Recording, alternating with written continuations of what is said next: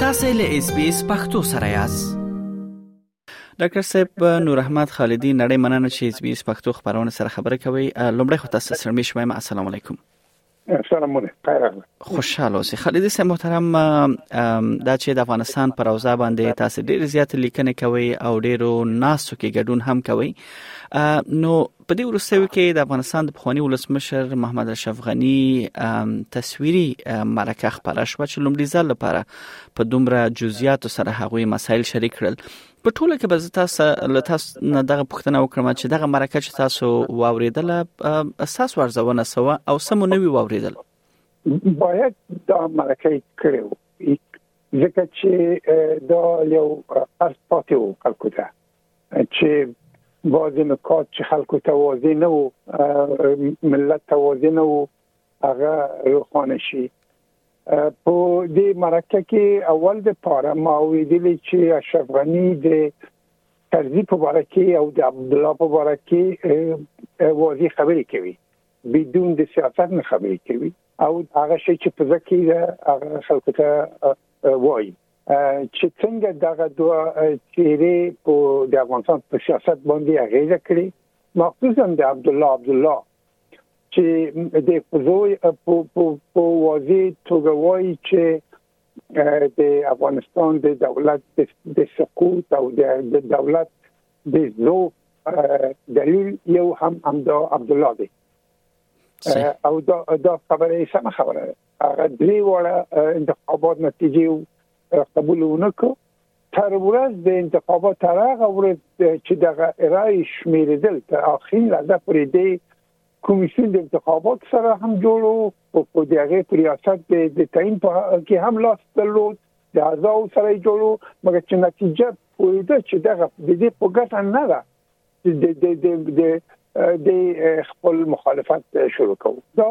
د دیموکراسي لپاره د دیموکراسي د بنسټونو لپاره ډیر لوی لوی جفاو او لوی خیانت زما په ان او د تایدوم د اشرف غنی خبرې چې که یو سړی د مسول وو بولم د افغانستان د دولت د جمهوریت اسلامي جمهوریت دولت د سقوط په اړه دا عبد الله عبد الله دی نه تنها دا چې حکومت ضعیف کو بلکې ملت په دو خواو تقسیم هغه د خپل هغه یو مرکز د ثقل او د یو چې د اشخاص لپاره چې هغه افغانستان نه منل افغاني نه منل پښتوني نه منل تاریخ نه منل دی دی د مرکز وو هغه یو یو دغه شخصیت د خپل د دفتر رئیس پایس او تاکل دا رحیمی چې څو کال مخکې دغه بنسټ کې خو چې د افغانستان تاریخ باندې گزارونه وکړو افغانستان د انګلیس د د ایجاد نتیجه ومنله او د همدغه خبرو ادعا او په اساس عبد الله د خپل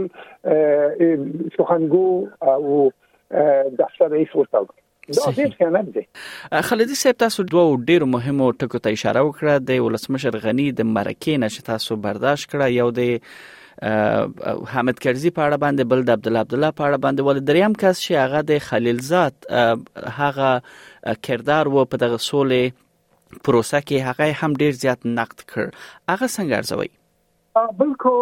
بالکل سمه ده فلزات د امریکې د حکومت یو مامور دی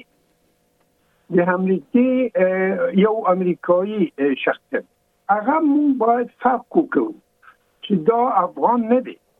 دا افغانستان کې تولد شوی مګر د امریکې دولت یو مامور دی او د امریکې د دولت په هدایت خپل وظیفه وظیفه او کارونه مخته بیایي د هغه بریف دا د ترامپ لخوا چې په شپږو میاشتو کې اول خو ویلو په دې میاشتو کې پس د هغې نه چې دوی اعتراض وکړ چې په دې میاشتني کې دي ویلي وو ورته هدایت دا و چې په شپږو میاشت کې څوک تاسو طالبانو سره یو توافقنامه امضا کړئ او دا بریف وو دا هدایت وو د ترامپ لخوا او خلیزات اجرا کولو پومپیو وزیر خارجه چې دوی اجرا کول د دې محدودیت په چوکات کې دوی مجبور هر شي چې طالبان وو هغه ومن هغه د خپل د حدود صلاحیت د حدود نه ډیر خپل پورته یې خېده ډیر منفي نقشې ایجاد کړي او بل شي چې نو د جمهور رئیس غنی نو د خلیفہ په مقابل کې د هغه نظر تعینوي دا دی چې خلیلزاد د افغانستان د اساسي قانون او نور قوانینو په تطبیق کې هیڅ اعتنای نه ده د بی اعتنایی او پوستګو کتل ده لکه چې دوی انتخابات تاسو په شاته واچوي انتخابات مکوي ائتلافي جو حکومت جوړ کې دا ټول شیان و چې اشرف غنی غوښتل چې مملکت د قانون په اساس وچلېږي او د پرنسيپ په اساس تصمیمونه وشي مګر دا سره کلیزات غلیظات هم همزولې کرزی ده دا ډول خل دا ډول یو یو د د د یو سکه دوه مخونه دي عین شي صحیح بل خالدی صاحب یو بل مهمه موضوع هم دا مطرح کیږي چې کله چې ولسمشر په خوانی ولسمشر محمد اشرف غنی افغانستان پرې خود نو تر تر همدغه تر اوسه پورې دا ډیره برخه د افغانانو دا هم سوچ کوي چې دوی یعنی خیانت کړی دی او دوی تښتیدلی دي او دغه برداشت چې دا موجود وو سوال دا پیدا کیږي چې یو کال وخت ونیو ولسمشر په خوانی ولسمشر محمد اشرف غنی چې دغه خبر خبرو سپیناوی وکړي ول دومره وخت انتظار په دې کې موجود وو او په دغه انتظار کې یو بل موضوع هم په دغه مرکه کې مطرح شو هغه دا و چې دوی ویل چې دوی طالبانو ته بیعت نه کوي چې په خوا په دې باندې دا هم تورونه لګول کېدل چې کېدای شي طالبانو له خوا د بیرته وغوښتل شي افغانستان ته نو دغه تورونه یعنی بیخي یو نوې انزور د وړاندې کړ ول سوال دغه مطرح کیږي چې ول دغه کار یو کال وخت وریو اول دا چې په دې یو کال کې دوه وری د مصاحبه کړیو هغه نشي شوی تر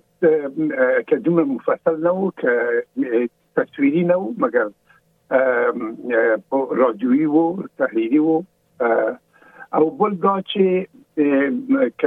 تاسو په مو کې الحمدلله مه چې د دې امنیتي سلاکارو هغه او د دې ډېر نږدې نږدې همکارو ډېر هم صاحبې درلودي مختلفو رسنیو سره بین المللي رسنیو سره او هغه په مقصدي توګه د اشرف غنی نمائندګي کوم زه هغه ټول شان چې الحمد لله محب ویل د اشرف غنی د دفاع په اړه د دې د خاطر او بل د بل خو اشرف غنی نه غوښت چې د خلکو په په په په ان په په هغه حالت کې چې ټول خلک احساساتي دي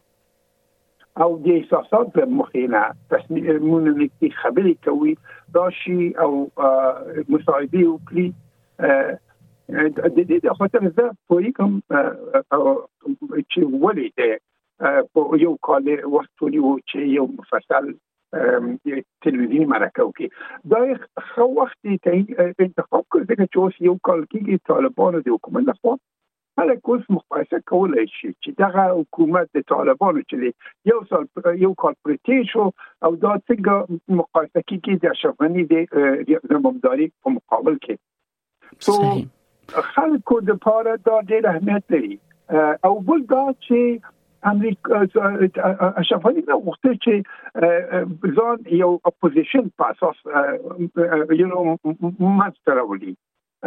انتاګونیست وي یعنی مخالفتونه ډېر کی د دې د خاطر زه په کوم چې تر یې دومره وخت ونیول چې راغی دا خبره بل خالد صاحب دلته یو موضوع بل هم مطرح کیږي هغه دا چې خواني ولسمشر محمد اشرف غنی اوس دا وویل چې اساسي قانون لمخه د ولسمشر دی او د خلکو پرای دی او سم برحال ولسمشر دی او دغه واک لا چاته نه دی سپارلی نو ساسو دا خبره چې اوس تاسو وکړه چې نه غوښتل چې اپوزیسیون جوړ کړي نو د دې خبره نه منزور سده او داسې یو حالت کې افغانان کوم لور ته د وړاندې کوي او نړیواله ټولنه په داسې حالت کې څه غبرګون ښيي دا د قانون په اساس او د پرنسيپ په اساس دا خبره سم خبره ده ځکه چې طالبانو کوم جمهور رئیس نه دی معرفي کړی نه د کوم شورا له خوا انتخاب کړی نه د کوم لوی جرګې له خوا او نه نه د د دینی علماو له خوا خو مون جمهور رئیس نه لرو په افغانستان علمای لوی جرګه وو چې هغه امیر المؤمنین ته بیعت وکړي خو دا بیعت د علماو لخوا وو دا خو د خلکو بیعت نه وو دا موږ نه نه نشو ویلی چې دا د افغانستان خلک بیعت کړي ته امیر المؤمنین او بل امیر المؤمنین ته مقام دی چې موږ نه پوهیږو کوم مقام دی نه طالبانو تعریف کړي نه کوم نو په پولیټ کې چیرته موجود دي چې دا څه دی دا کوم صلاحیت نه لري د چا له خوا نه دا آیا کلتورا دي د کلتورا مشر دي دي هیڅ معلومه دي د دې رابطه د دولت سره څنګه ده حکومت سره څنګه ده قضا سره څنګه ده هیڅ موجود نه دی موږ نه پوهیږو د دې لپاره افغانستان یو قانوني دولت نه لري مشروعیت نه ملي مشروعیت لري نه بین المللي مشروعیت